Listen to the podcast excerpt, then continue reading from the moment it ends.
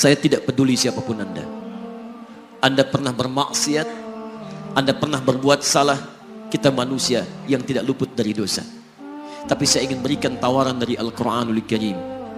Quran surah keempat An-Nisa ayat 100 posisi paling kiri sebelah bawah.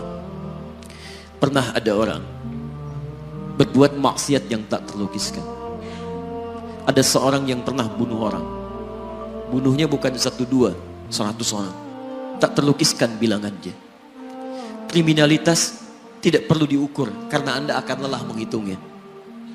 Ketika Allah berkenan memberikan hidayah kepadanya, Masya Allah.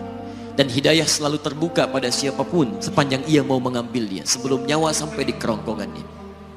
Tiba-tiba datang ia pada seorang alim dan berkata saya ingin berubah. Alim ini kemudian menyampaikan pada orang dimaksud, Anda bukan berarti tidak bisa menjadi orang baik. Hanya Anda tinggal di lingkungan yang tidak mendukung Anda jadi baik. Keluarlah dulu dari tempat itu. Pergilah ke majlis ilmu sifulan. Tempatnya ada di sana. Datang ke sana. Belajarlah. Dan Allah akan bimbing Anda berubah dari keburukan menjadi orang yang terbaik. Didengarlah nasihat alim ini. Berangkatlah orang dimaksud. Menempuh perjalanannya. Tiba-tiba Masya Allah belum sampai ke tujuan di pertengahan jalan konon disebutkan lebih sejengkal. Tiba-tiba maut datang menjemputnya. Thumma yudrikul maut. Apa yang terjadi? Langkahnya dihitung sebagai ibadah. Dalam terapnya dia beristighfar tobat kepada Allah subhanahu wa ta'ala. Taubatnya menghadirkan cinta Allah subhanahu wa ta'ala. Quran surah kedua ayat 222 di ujung ayatnya. Innallaha yuhibbut tawabin Allah mencintai orang-orang taubat. Dan cinta Allah menghadirkan ampunan bagi seluruh dosanya. Quran surah ketiga Ali Imran ayat 31 paling kiri sebelah atas. Qul in kuntum tuhibbunallaha fattabi'uni yuhibbukumullah. Allah cintai orang yang mau taat pada rasulnya. Lihat ketika Allah mencintai seorang hamba wa yaghfir lakum dzunubakum. Allah ampuni seluruh dosa-dosanya. Derap langkahnya menghadirkan istighfar Taubatnya menghadirkan cinta Allah, cinta Allah menghadirkan seluruh ampunan-ampunan bagi dosa-dosa yang ia miliki. Maka apa yang terjadi di tengah perjalanan maut menjemputnya thumma yudrikhul maut faqad waqa'a ajruhu 'ala Allah dan pahala diberikan kepada orang tadi. Di jalan, maaf, maut datang, taubat diterima, dosa diampuni dan amalan didapati dengan derap langkahnya. Maka apa yang terjadi? Thumma yudrikhul maut faqad waqa'a ajruhu 'ala Allah pahalanya dituliskan oleh Allah dakhalal jannah kata Nabi. Masuk surga orang ini. Anda bisa bayangkan pernah bunuh orang 100 orang.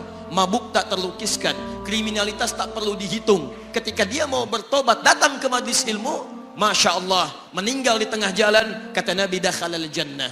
Bertobat diampuni dosanya. Derap langkahnya ada pahalanya dakhalal jannah.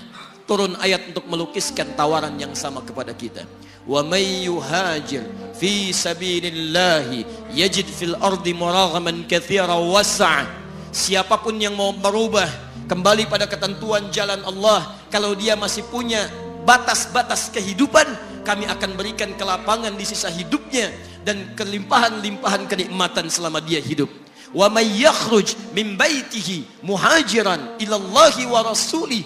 Namun bila ada di antara mereka baru ingin berhijrah ingin berubah jadi lebih baik dalam pandangan Allah dan Rasulnya tiba-tiba maut. Baru keluar dari tempat dia tinggal. Belum sampai ke tempat dia belajar datang maut menjemputnya. Allah. Kami terima semua amalnya kami ampuni dosa-dosanya dan kami tuliskan namanya di dalam surga. Bila 100 orang saja yang pernah dibunuh oleh orang ini Pernah bunuh 100 orang, mabuk tak terlukiskan, kriminalitas tak terhitung. Mau berangkat ke majlis ilmu, tak sampai ke majlisnya, meninggal dia bisa masuk surga. Masa Anda yang tidak pernah bunuh orang? Ada yang pernah bunuh orang di sini? Boleh angkat tangan? Ada polisi di sini langsung saya sampaikan insya Allah. Anda gak pernah bunuh orang. Anda tidak pernah mabuk. Anda tidak pernah berbuat kriminalitas seperti orang dulu. Salah, wajar. Tapi pintu tobat terbuka untuk kita semua. Masya Allah, bedanya dengan orang tadi. Orang tadi belum sampai ke majlis ilmu. Anda sudah hadir di dalamnya. Langsung di rumah Allah. Diberikan tempat yang terbaik dan kita akan belajar. Kalau dengan semua ini belum mempermudah Anda ke surga, dengan cara apa lagi Allah mesti mengantarkan Anda ke surga? Kalau dengan duduknya Anda di sini belum mau juga bertobat, dengan cara apa lagi Allah harus membimbing Anda bertobat? Kalau dengan seperti ini belum juga Anda taat kepada Rasul, dengan cara apa lagi Allah mesti meyakinkan Anda untuk taat kepada Rasulullah SAW? Karena itu teman-teman sekalian, mari kita pelajari ilmunya, dan dengan ilmu itu akan membimbing kita insya Allah kembali kepada Allah sampai mengajak keluarga kita ke surga insya Allah.